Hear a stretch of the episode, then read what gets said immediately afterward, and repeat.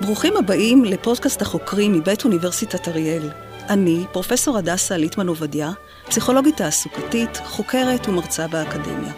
בכל פרק אארח כאן חוקר או חוקרת, ונכיר מקרוב את תחומי המחקר שלהם, תחומים המשפיעים על החיים של כולנו. אז בואו נתחיל. אי פוריות גברית משפיעה על מיליוני זוגות ברחבי העולם, אבל זו סוגיה שלעיתים קרובות מובנת לא נכון. ישנן סיבות רבות לאי פוריות גברית, כולל גורמים גנטיים, סביבתיים, וכאלו הקשורים באורח חיים.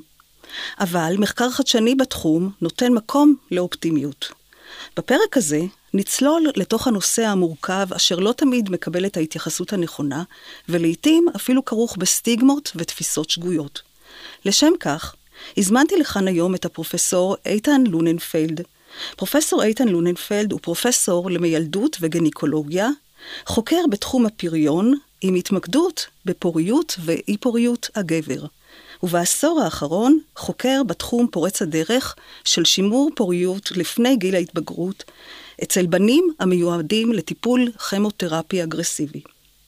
בפרק הזה, פרופסור לונלפלד ישתף בתובנות ובמומחיות שלו על ההתקדמות העדכנית ביותר בחקר פוריות הגבר, כולל הפוטנציאל של שימור רקמות אשך, ככה צריך לומר, למדתי ממך, אה, טרום בגרות לפיתוח טיפולים חדשים. כמו כן, נחקור את ההשלכות האתיות והחברתיות של מחקר זה, ונדון בשאלה כיצד ניתן לתמוך טוב יותר בגברים ובנערים הנאבקים בבעיות פוריות.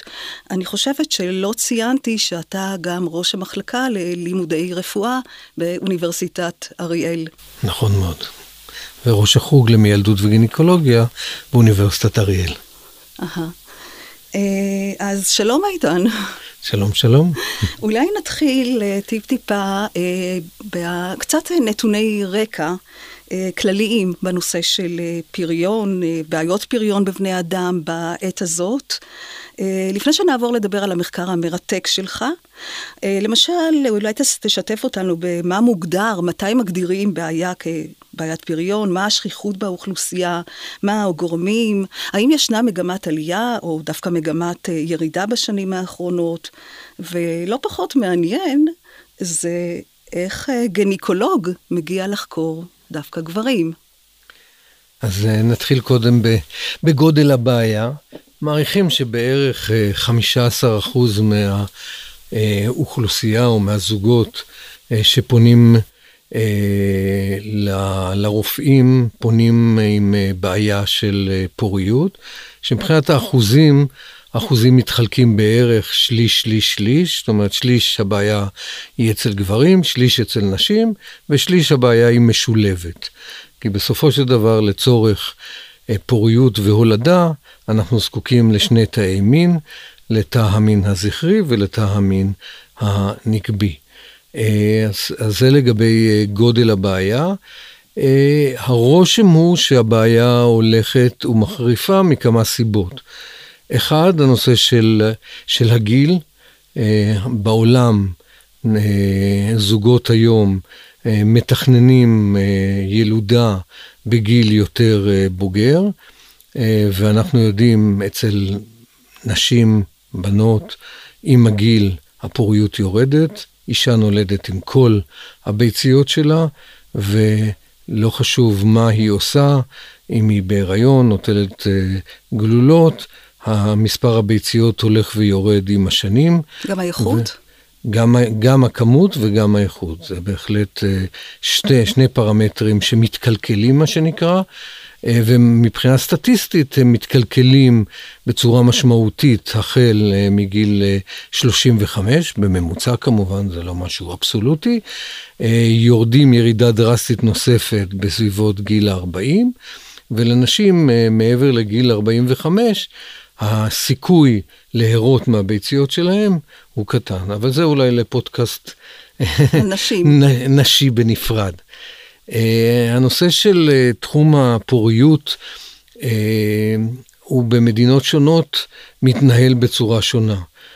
בארצות הברית למשל, הגינקולוג תמיד מתעסק רק בנושא של פוריות האישה, והאורולוג, זה הרופא שמתעסק בדרכי המין והשתן של הגברים, הוא זה שמתעסק בפוריות הגבר, ובמקרה הטוב הם מדברים ביניהם, בדרך כלל הם מתכתבים ביניהם, והראייה בישראל ובאירופה בחלק מהמרכזים זה שהגישה של הזוג הפורה היא הגישה הנכונה, אה, והגינקולוגים במדינת ישראל לקחו את זה על עצמם. בתיאום עם האורולוגים ובברכת הדרך של מרבית האורולוגים במדינת ישראל יש אה, מספר קטן מאוד יחסית פחות אולי מעשרה אורולוגים מומחים בתחום פוריות הגבר, שבאמת מתעניינים אה, בנושא, ושוב, כל רופא יכול להתעניין בנושא, לחקור בנושא ולהחליט אה, שהוא אה, מטפל בנושא זה או אחר. אה, אני ראיתי את הנושא, אני מטפל בפוריות הן האישה והן הגבר, אני מטפל בזוגות. אה, ראיתי את הנושא הזה כנושא ש... צריך לתת לו יותר דגש בתחום המחקר. הנושא של פוריות האישה אה, קיבל בהחלט אה, דגש מאוד רציני. אה, והרבה מאוד פריצות דרך היו בתחום ההפריה החוץ גופית אצל נשים, אה, הקפאת ביציות אצל נשים.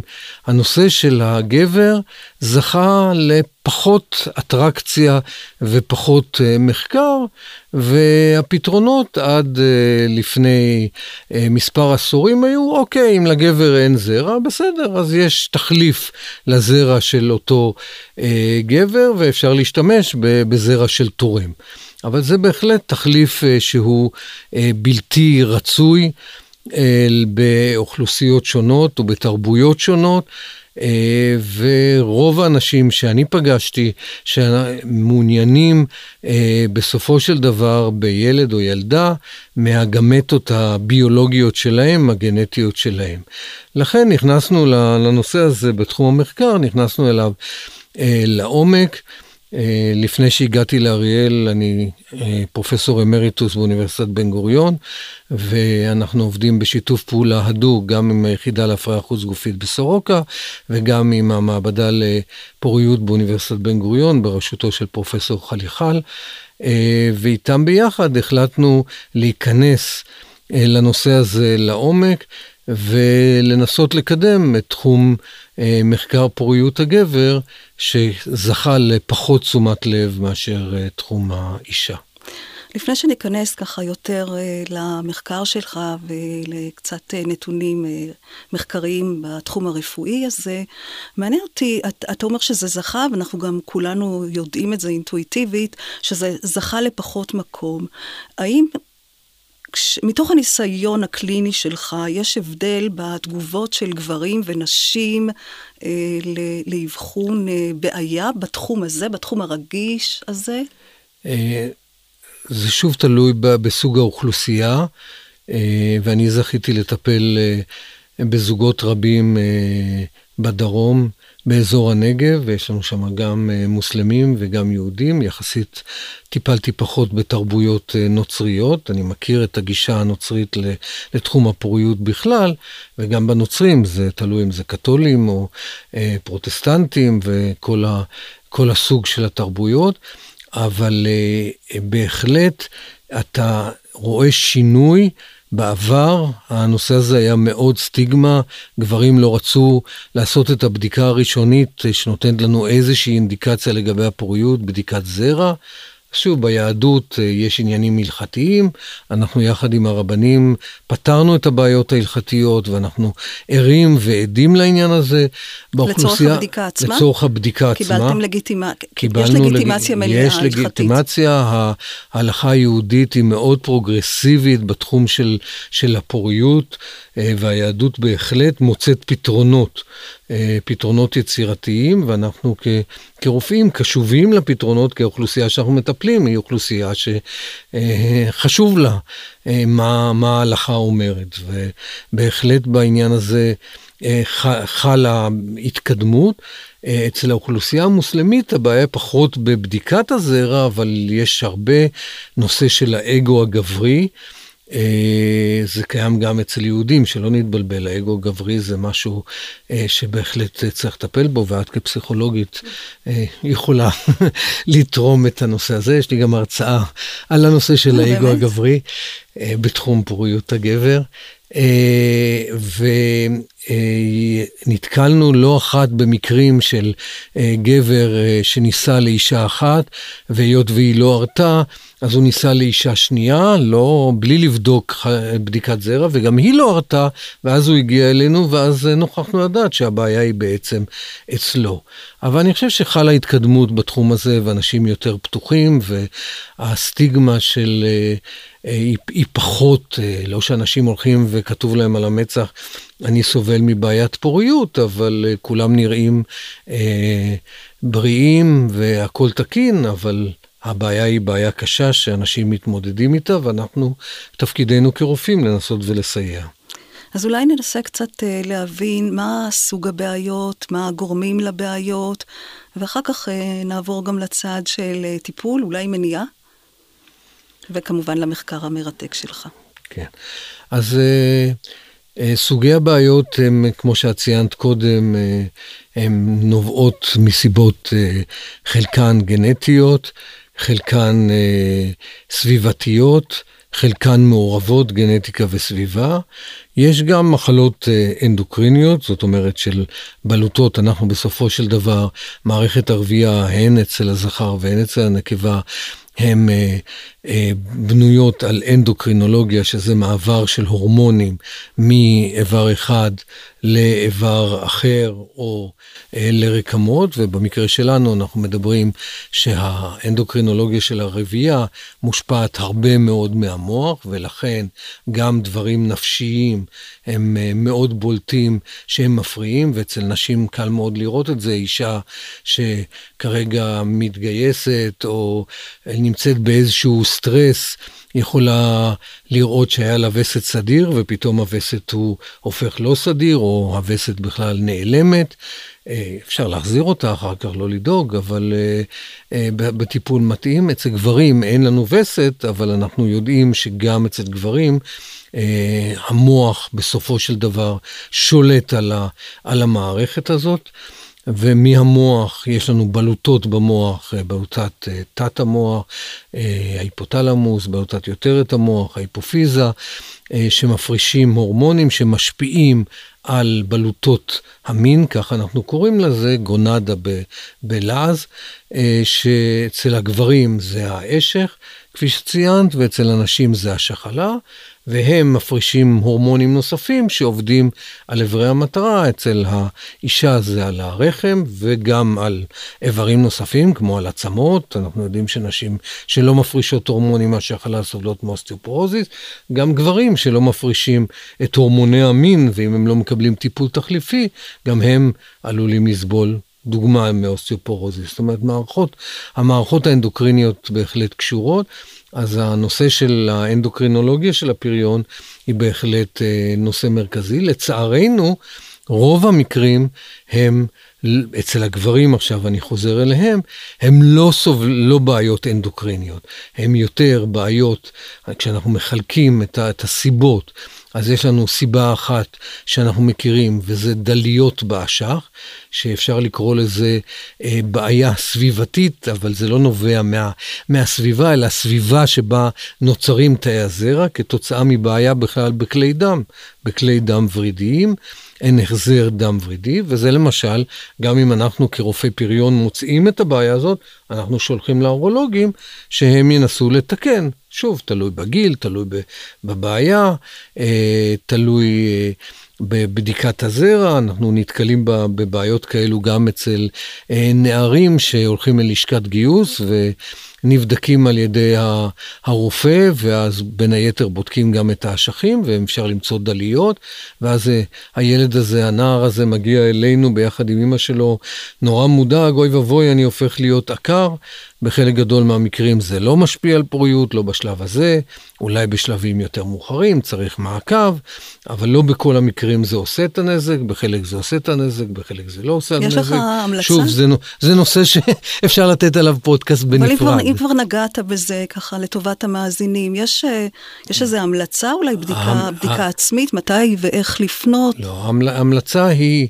אה, כמובן, כמו בכל בעיה, אם אתה סובל, כי לפעמים הדליות האלו גם גורמים לסבל, גם לחיילים, הם סובלים מכאבים באשך אחד או בשני אשכים, זה יותר שכיח בצד שמאל, בגלל נושא של מבנה של כלי הדם הוורידיים, אה, בצד שמאל הוא שונה מאשר בצד ימין, אז התופעה הזאת יותר שכיחה בצד שמאל, אז אם מישהו סובל מכאב, אז כמובן לגשת לרופא ולבדוק. אם הילד או הנער הוא אסימפטומטי ומצאו את זה בבדיקה אקראית, כמו שאמרתי, בלשכת גיוס, אז קודם כל להוריד לחצים. ברוב המקרים נעשה בדיקת זרע ונמצא שהבדיקת זרע היא תקינה. באותם מקרים אני ממליץ לעשות מעקב. לחזור על הבדיקה פעם בשנה ולראות שנתפוס את האם יש פגיעה, אם זה יהיה פגיעה של... והיות ובדיקת זרע, שוב, פרט לבעיה התרבותית וההלכתית אה, בקרב היהודים של מתן זרע לשווא, פרט לזה, הבדיקה היא לא בדיקה חודרנית, לא נעים להגיד, ואפילו יש אנשים שנהנים אה, במתן זרע. אז אה, זה כמובן לא נעים לבוא עם הבדיקה ולהביא אותה למעבדה, אבל בסופו של דבר זה לא בדיקה מסובכת. אה, ואפשר לעשות את המעקב. הנזק שאותה אותו, אותה בעיה ורידית, שאנחנו קוראים לה בלעז ורי קוצלה, מישהו שומע את המושג אז שידע על מה מדובר, הבעיה הזאת היא לא גורמת בבת אחת להיעלמות תאי הזרע, זה בעיה של תנאי סביבה, בגלל הבעיה הוורידית, תנאי סביבה לא אופטימלי. לא אופטימלי ליצירת תאי הזרע, אה, ולכן הפגיעה היא פגיעה הדרגתית, כך שאין צורך להיות בלחץ. הרבה אנשים באים, בוא תקפיא לי זרע. אני לא בעד להקפיא זרעים על שמאל ועל ימין, הדברים האלו הוצאו בזמנו, שכל החיילים שמתגייסים, נקפיא להם זרע, שמא יקרה משהו. אה, לא בתחום הפוריות, אה, וזה שוב סוגיה שאפשר עליה לעשות פודקאסט בנפרד לגבי הנושא של אה, שימור זרע גם לאחר המוות. אבל uh, אני לא חושב שזה מוצדק, אני חושב שצריך לטפל בבעיה אם יש בעיה, ולא לטפל בבעיה כשאין בעיה. אז אני אומר, אולי ליצור לה... בהלה. נכון, נכון, בהחלט יוצר, יוצר בהלה אה, שלא מוצדקת.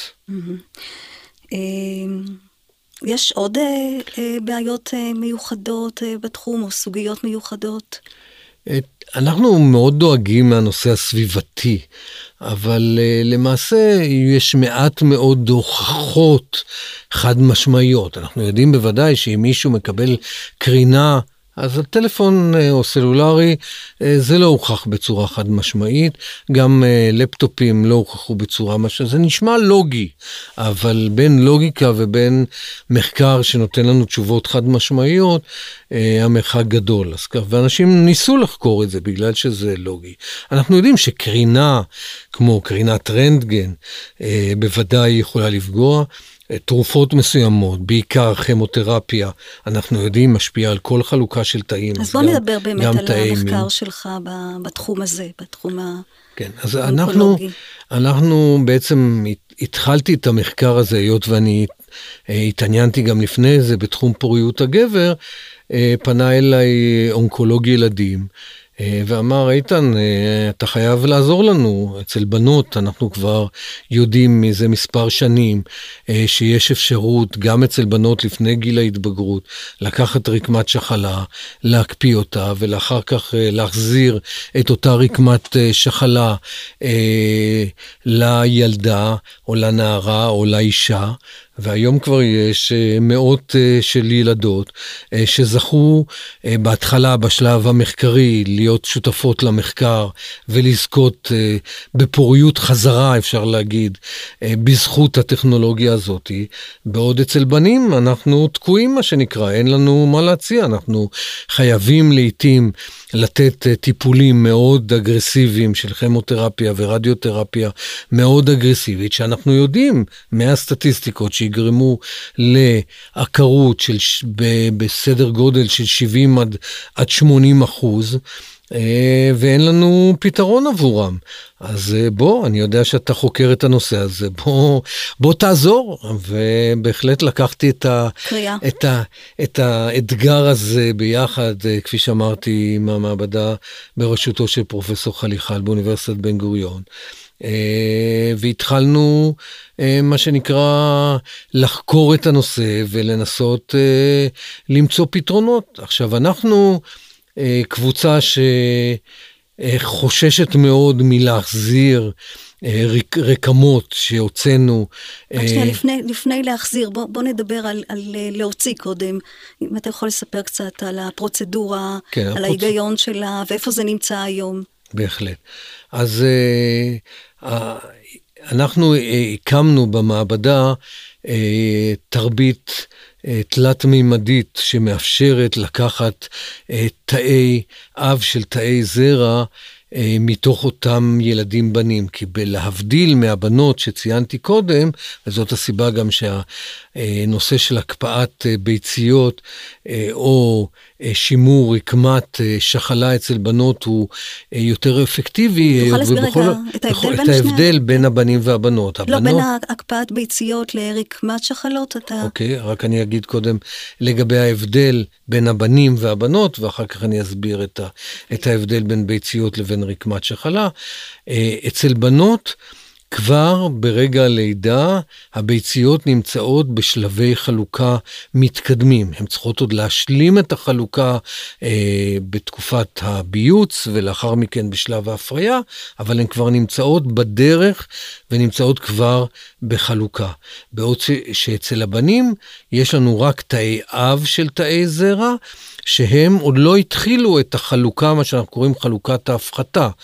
מתא רגיל שמכיל 46 כרומוזומים לתא מין שמכיל 23 כרומוזומים. אז הם עוד לא התחילו.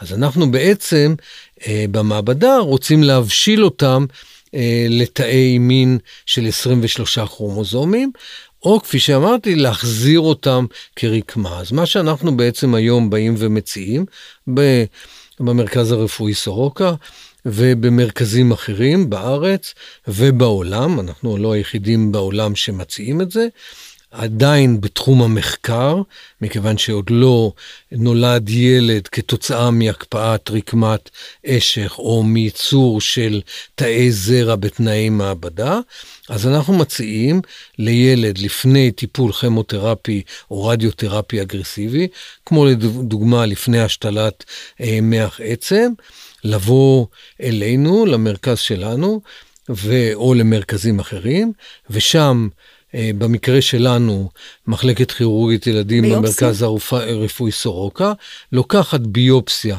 מאשך אחד, אה, ביופסיה קטנה יחסית, שהיא מחולקת לשניים. חלק אה, אחד, חצי, מוקפא עבור הילד בצורה אה, מזוהה עבורו ביחידה להפריה חוץ גופית בסורוקה, כך שאם תהיה פריצת דרך בכל מקום אחר בעולם, החומר נמצא בתוך חנקן נוזלי וניתן לקחת את זה באמצעות תרמוס ולהעביר את זה לכל מרכז אחר. וחצי נועד לצורך המחקר שלנו, כי אנחנו כמובן זה שנקפיא בלי שנפרוץ את, ה, את תקרת הזכוכית, אה, זה לא יסייע לאף אחד, אז אנחנו מנסים לגדל את אותם תאי אב של תאי זרע ולהגיע לתאי זרע בשלים. אה, זה יעדיף על פני אה, החזרה חושבים, של הרקמה? הטכ... אנחנו חושבים שהטכנולוגיה הזאת היא יותר נכונה בגלל החשש אה, שקיים בקרב החוקרים, שחס וחלילה לא נחזיר רקמת אשך שנותר בה איזשהו אה, שארית אה, של גידול סרטני. חלק מהסרטנים האלו הם סרטני דם, ו... ברור שבאשך גם כן יש כלי דם ו, ותאי דם. יש ניסיונות, וגם אנחנו שותפים למחקר לנסות ולזהות איפה יש שארית ואיפה אין שארית, אבל תמיד הבעיה היא, אוקיי, איפה, מה שבדקת, את זה אתה כבר לא מחזיר, ומה בחלק שלא. אבל זה נכון תמיד ברפואה לגבי כל הנושא של ביופסיות או דגימות. דגימה מוכיחה מה שיש בדגימה, לא מוכיחה מה, ש, מה שלא בדקת. אבל אנחנו חושבים שבהחלט הגידול, אה, זאת הדרך הנכונה, והגענו כבר, התקדמנו אה, להעביר את אותם תאי אב, את, התאי, את החלוקה, מה שהזכרתי מקודם, להפוך אותם מ-46 כרומוזומים ל-23 כרומוזומים. אצל, אנש, אצל בני אצל אדם? אצל בני אדם, אצל ילדים. והגענו לשלב שהוא לפני תא זרע בשל.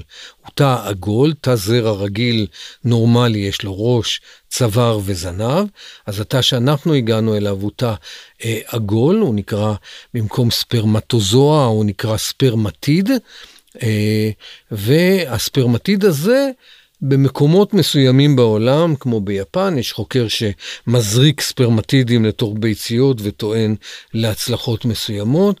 אה, בבעלי חיים, בעכברים, הצליחו כבר אה, לעשות את זה. אנחנו גם כן שלחנו בעכברים, שלחנו את, ה, אה, את הספרמטידים שאנחנו יצרנו במעבדה והצלחנו לעשות הפריות, אבל עוד לא גדלו עוברים.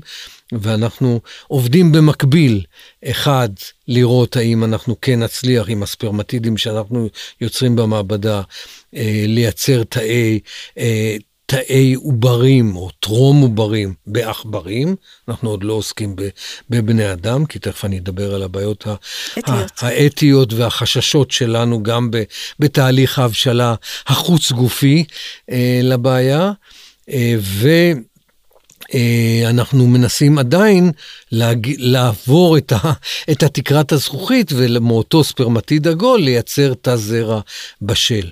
במקביל, לבדוק שאותו תא שאנחנו במעבדה לקחנו מתא אב ויצרנו תא זרע בשל, שהוא לא נפגע מהסביבה של, ה, של התרבית בצורה אפי-גנטית, שזה אומר אה, דברים שאנחנו לא פוגעים בגנום, אבל כן פוגעים בסופו של דבר ויכולים להוריש אה, לילדים של אותו אב. אה, התחום הזה הוא גם כן תחום ש... ברגע שאנחנו מדברים על תאי מין, אנחנו תמיד צריכים להבין שאנחנו מורישים את זה. אם מישהו היום צריך השתלת כליה או השתלת כבד, אז אני מטפל בבעיה שלו, של הכליה והכבד. מקומית. בפוריות, אני מטפל גם בדור הבא, ואני צריך... הבאים. לד... בדורות הבאים, ואני צריך לדאוג אה, לבריאותם. כל, כל התחום שלנו הוא תחום שאנחנו תמיד צריכים לחשוב.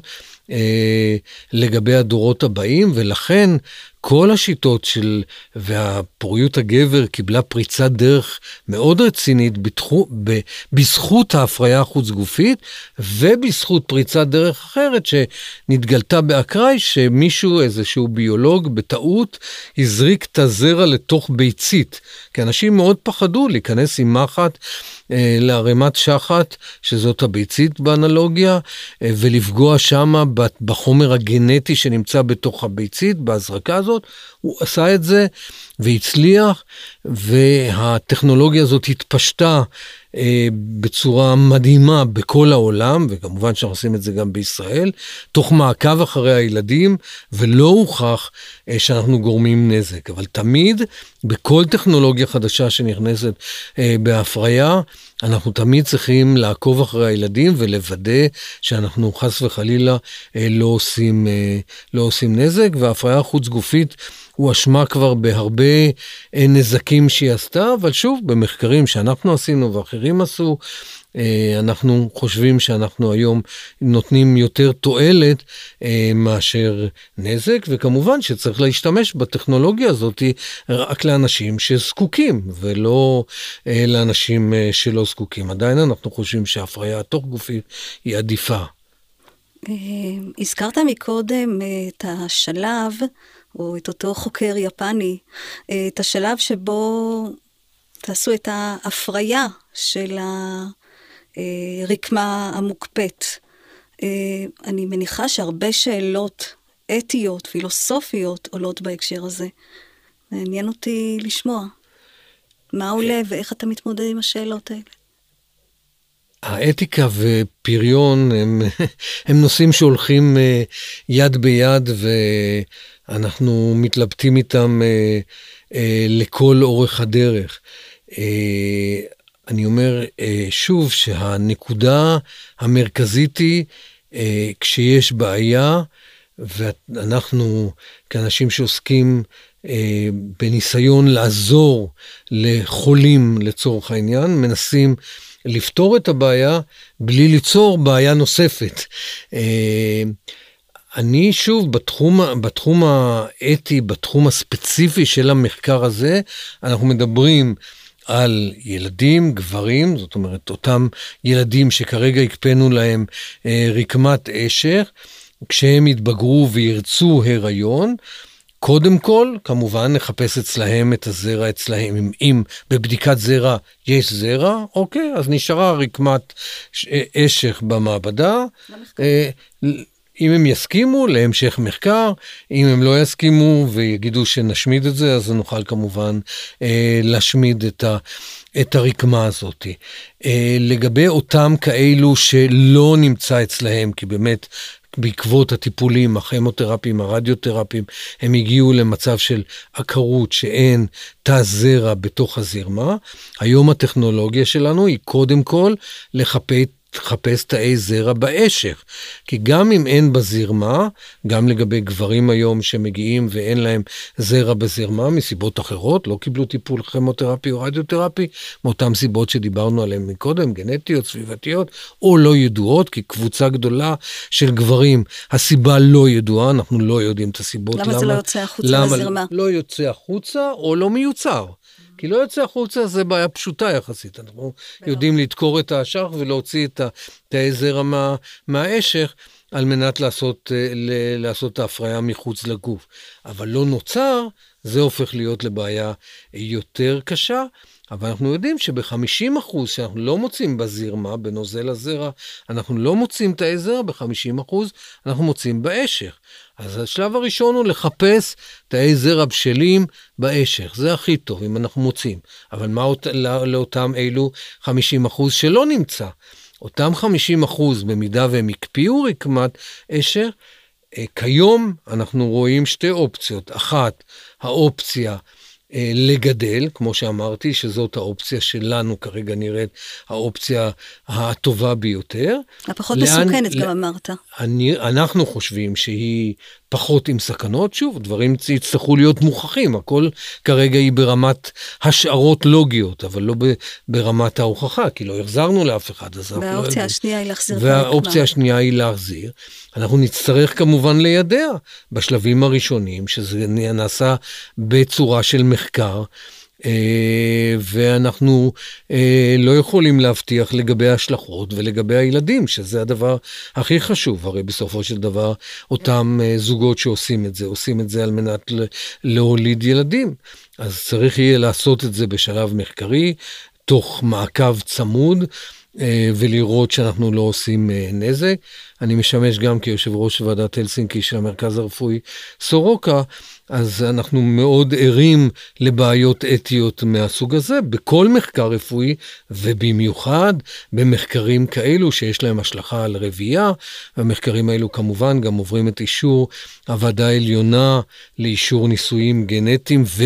נושאים בנושא הרבייה, כלומר גם מדינת ישראל ערה ל, ל, ל, לרגישות שיש אה, ולמורכבות שיש במחקרים כאלו. אנשים אחרים שירצו את ההשתלה, אז גם כן נצטרך אה, לעדכן אותם, כמו שעשו בבנות, ואני מכיר אישית בנות שלקחו את הסיכון ואמרו, כן, אנחנו אה, מוכנים, כי היום יש לנו אפשרות, גם כמו שיש לנו אפשרות של תרומת זרע, יש אפשרות גם של תרומת ביצית, אבל הם העדיפו, כמו שאמרתי, שרוב הזוגות מעדיפים בסופו של דבר את הגמטות, אה, גמטות שלהם. שאלת קודם שאלה לגבי ההבדל בין ביציות ושחלה.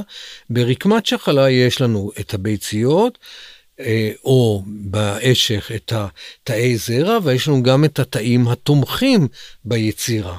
זאת אומרת, שאתה מחזיר את הרקמה, אתה נותן את, את כל. התשתית, את כל התשתית לייצור. כשאתה מקפיא ביצית, אתה יכול להפשיר ביצית, ובסופו של דבר הביצית הזאת צריכה לעבור הפריה מחוץ לגוף, והחזרה של טרום עובר, היום אנחנו קוראים לזה טרום עובר ולא עובר, להבדיל מעוברים כבר שנמצאים ברחם עם, עם דופק ו- וכולי, אז להחזיר אה, טרום עובר לתוך הרחם. אני מניחה שבתחום המחקרי, במעקב שאתם עושים, ואמרתם ששם זה לא משוייך או לא מזוהה, אתם מגלים איזושהי, איזה שהם הבדלים גם בהתנהגות של הרקמות השונות. וכמו בכ, כמו בכל מדע שהוא לא מדע מדויק, אז אנחנו מדברים על סטטיסטיקה, חלק עובד וחלק לא עובד. כלומר, יש לכם מידע שאני מניחה שזה טורד אתכם בלילה. מה, מה עושים עם המידע הזה? כי, כי יש לו אחר כך השפעה על חיי אנשים ומשפחות, נכון. ואתם לא יכולים כמובן לחלוק אותו, ואתם... גם טכנית אתם לא יכולים לחלוק אותו, אנחנו, וטוב שכך, כדי שלא תצטרכו להיות... אנחנו חולקים אותו בספרות המדעית הרפואית. במאמרים. זאת אומרת, במאמרים אנחנו מפרסמים, אנחנו היום הקפאנו סדר גודל של 40 רקמות כאלו של ילדים.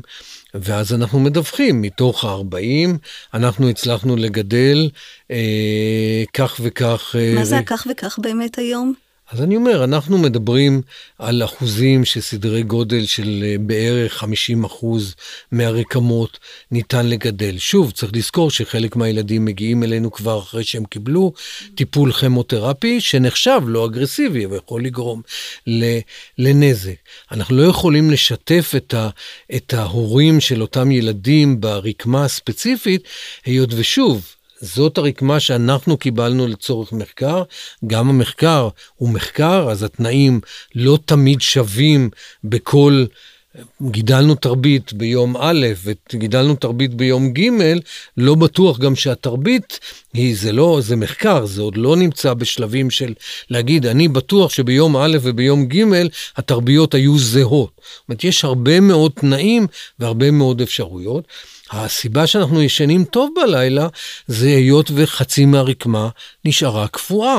אנחנו אומרים, או שאנחנו נתקדם במחקר, או אנשים אחרים יתקדמו במחקר. ואני גם אומר תמיד לפציינטים, זה ההורים של הילדים בדרך כלל, תראו, יכול להיות שתהיה גם פריצת דרך בתחום אחר. לקחת תאים שהם ממוינים, לדוגמה, תאים שאנחנו קוראים להם פיברובלסטים, זה תאי רקמת חיבור, והיום יודעים אצל בעלי חיים אה, לקחת, וגם אצל בני אדם, לקחת ולהפוך את התאים האלו לתא גזע רב פוטנציאלי, זאת אומרת, פיברובלסט, הוא נועד להיות תא חיבור. לא, אז לוקחים אותו והופכים אותו על ידי הזרקת גנים, שזאת חלק מהבעייתיות. הזרקת גנים, לקחת אותו אחורנית, להפוך להיות תא גזע בעל פוטנציאל לא, לא לכל הכיוונים, ואנחנו יודעים לדחוף היום, החוקרים, זה לא התחום שאני חוקר בו, כי שוב, אני חושב שזה לא הכיוון הנכון, ותכף אני אסביר למה, אה, לדחוף אותו להיות תא מין, ואז אני יוצר בעצם מרקמת חיבור תא זרע, שאני אוכל להפרות את הביצית של בת הזוג של אותו גבר עקר. המחקר הזה קיים. בעלי חיים מוכח שהשיטה הזאת גורמת לפעמים לגידולים, שפירים, או לא שפירים.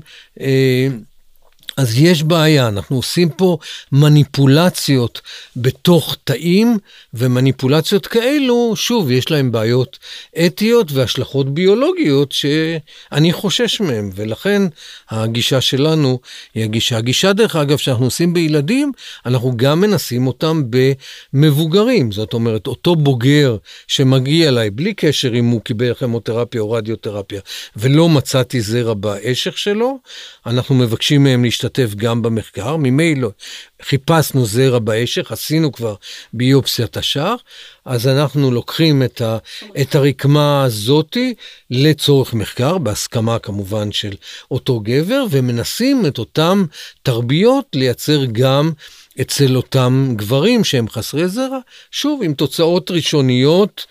אה, שנותנות לנו איזשהו אור בקצה המנהרה. את אורך המנהרה אנחנו לא יודעים להגיד במחקר לצערנו הרב. אבל רואים את האור, רואים יש, את יש האור. מקום לאופטימיות. יש מקום לאופטימיות, מקום. אבל אנחנו עובדים על הנושא הזה כבר למעלה מעשור, ושנהיה בריאים, שנוכל להמשיך ולעסוק בתחום. אני מניחה שמאז שהלכת ללמוד אה, רפואה, ואחר כך הלכת להתמחות ולהתמחות העל, עד היום אה, היו שינויים בתחום, כנראה מרחיקי לכת. כן. אנחנו בהחלט, אה, מה שנקרא, חיים בתקופה אה, שבאמת אה, חלו פריצות דרך מדהימות. בתקופה שלי בעצם נוצרו התרופות שהיום אנחנו נותנים לנשים לצורך השראת ביוץ ולצורך יצירת הרבה ביציות שנוכל להשתמש בהן בהפריה חוץ גופית. יש לי הכבוד להיות הבן של הממציא של התרופה הראשונה בתחום הזה. אז אתה דור אבי, שני, דור אבי, שני. אבי שייבדל לחיים ארוכים, היום בן 96, עדיין, עדיין מרצה ו... אה, מספר על, על, גם על ההיסטוריה וגם על, על ההווה, אז אה, הוא המציא, בזמנו לקחו, השט, לקחו שתן של נשים אה, בגיל המעבר, אנחנו לא אוהבים להשתמש במושג גיל הבלוט, זה לא נשמע טוב, גיל המעבר נשמע קצת יותר אה, טוב, באנגלית זה נקרא מנופאוזה. והם, יש להם הרבה מאוד הורמונים שהיום נשים צעירות יכול, שזקוקות לזה יכולות לקבל את זה. עברנו בטכנולוגיה הזאת לטכנולוגיה לייצר במקום לקחת משתן. אה, של אנשים, אפשר היום ליצור את זה במעבדה באמצעות תרביות תאים והזרקות גנים, אז זה עוד פריצת דרך שהייתה. עברנו להפריה בתוך הגוף, שהיינו מזריקים זרע לתוך גופה של האישה, שגם היום אנחנו עושים את זה, אבל כשזה לא מצליח, עוברים להפריה חוץ גופית, אז עברנו להפריה חוץ גופית, עברנו לאפשרות להזריק זרע בודד לתוך ביצית, שזה קידום עצום, עברנו לאפשרות של להקפיא אה, רקמות, כמו שאמרנו, רקמות שחלה, רקמות אשך, אה, אפשרות של אה, של הקפאת ביציות, שזה היה לא פשוט, כי זרע יחסית קל להקפיא אותו, תא הזרע בשל, ביצית הוא תא, כי הוא תא קטן, ביצית היא תא גדול עם הרבה נוז מים בתוכה, ואז קשה להקפיא אותה, אבל עברנו גם את הפריצת דרך הזאת. היכולות היום של הקפאות הן אה, יכולות הרבה יותר גדולות ממה שראינו פעם, כך שאין ספק שתחום הפריון עבר אה, בתקופה שאני חי בה, אה, מהפכים ותהפוכות. ועוד יעבור. ו- ואני מאמין שהוא עוד יעבור. ועוד לא דיברנו על ה-AI ועל ההשפעה שיכולה להיות, אה, נכון. על כך אולי בפודקאסט אחר. אה, לסיום, הייתי רוצה לשאול אותך שאלה אישית, אם תרשה לי. אה, אני עוברת בשלב הזה מהמחקר לחוקר, אה, בתור מי שבא מהתחום של אה, חוזקות אופי, נקודת מבט של פסיכולוגית תעסוקתית ופסיכולוגית אה, של הפסיכולוגיה החיובית, אני אשמח לשמוע ממך מהם שתי חוזקות האופי שלך, שמביאות אותך לתחום ומאפשרות לך להצליח בו, ושומרות עליך שם עם ההתלהבות הזאת ששמענו. אה, אני חושב ש... הסיבה שהלכתי לרפואה זה לעזור לאנשים. אני מאוד אוהב לעזור לאנשים. ואז כשאתה בתהליך ההכשרה, ואני רואה את זה היום על הסטודנטים שלנו פה באריאל, ההתלבטויות האלו, איפה, איפה אני יכול לתרום את התרומה אה, המשמעותית שלי. ודווקא אה, היות וכפי שציינת, אני דור שני, גם בתחום הרפואה וגם בתחום רפואת הפריון, אז ניסיתי להגיד לעצמי אה, כמה דברים. אחד, שאני לא אלמד באזור המרכז, כי גדלתי באזור המרכז, והלכתי לדרום ללמוד, ואני בין המחזור הראשון של בית ספר לרפואה באוניברסיטת בן גוריון. אז ירדתי לנגב, זו הייתה הפעולה הראשונה, להתרחק מה, מהדור הראשון ולנסות לעשות את הקריירה האישית. הדבר השני שאמרתי לעצמי בבית ספר לרפואה, איתן, אתה לא הולך להתעסק בתחום הפריון. יש כבר לוננפלד אחד בתחום הפריון, אתה תחפש לך תחום אחר. וחיפשתי, ואפילו באתי להורים שלי כשהייתי בסבב פסיכיאטריה, ואמרתי לה, תשמעו, אני שוקל פסיכיאטריה. הם קצת נרתעו, יהיו להם סטיגמות, אבל אני החלטתי בסופו של דבר שאני לא הולך לזה. אה, עשיתי שנה, בסיום אה, לימודיי, עשיתי שנה כרופא כללי, אה, לא רופא משפחה, אבל בנגב היו חסרים גם רופאים שמתעסקים ברפואה כללית, והייתי רופא כללי במרפאה, שקלתי גם את, ה, את התחום הזה. אבל בסופו של דבר נמשכתי לרפואת, ה, לרפואת הנשים ולתחום הפריון, ואמרתי לעצמי שלא בגלל הדור הראשון אני אמנע מעצמי לתת לתת את המתנה שאני ראיתי אותה, שוב, בכל תחום אנחנו כמובן אה, עוזרים, ועובדה שהגעתי מתחום רפואת הנשים לתחום רפואת הגברים. מצאת את הנישה שלך בסוף. הפוריות, והגעתי בסוף גם לילדים ולילדים אונקולוגיים. זאת אומרת, הדברים בסופו של דבר, אבל, אבל אני מרגיש שהאופי שלי אה, בהחלט, הטיפול בזוגות, וזה בדיוק העניין, שהלכתי כבר כשהלכתי לרפואת נשים, ידעתי שאני אעסוק בתחום הפריון, וידעתי שאני אתעסק אה, בתחום הזה של, של זוגות. אבי, דרך אגב, הוא אנדוקרינולוג, הוא לא גינקולוג, אה, והוא הלך מכיוון התרופות פריון, התרופות ההורמונליות. ואני אמרתי, אני רוצה לעזור לזוגות אה, להביא ילדים לעולם, וכמובן היום גם ל, אה, לפרטים ולא רק לזוגות, אני בשמחה עוזר לכל, לכל המינים ולכל הבעיות, ויש לנו היום בתחום רפואת הפריון גם לעזור ל, לאנשים שהם טרנסג'נדרים וגם אה, אה, לאנשים ש... אה, לסבים והומואים והכל, הכל מבחינתנו, לסביות, סליחה, ו, והומואים והכל מבחינתנו, אה, אנחנו באים פה לעזור ולסייע. אז הייתי אומרת מבחינת אה, חוזקות, ששמעתי הרבה את המילה עזרה ושליחות, אז הייתי מדברת על נדיבות, שזאת בהחלט אה, חוזקה. תודה. ותעזור לי ככה לחשוב על החוזקה השנייה, לא אפתור אותך בלעדיה. אה, אולי אינטליגנציה חברתית. אני חושב שאינטליגנציה רגשית אנחנו קוראים לזה. אני חושב, שוב, לא נעים לדבר, זאת אומרת, תשאלי אותי על החולשות. תדברי איתי על, תדברי איתי על החולשות, זה, זה החוכמה שנעמוד. זה עשו הרבה לפניי. נעמוד פה ונסביר גם את החולשות, אבל אני חושב ש... שאם אני יכול לדבר על עצמי, וזה גם חשוב בתחום של ה... אני מאוד מחובר להוראה ו... ולסטודנטים.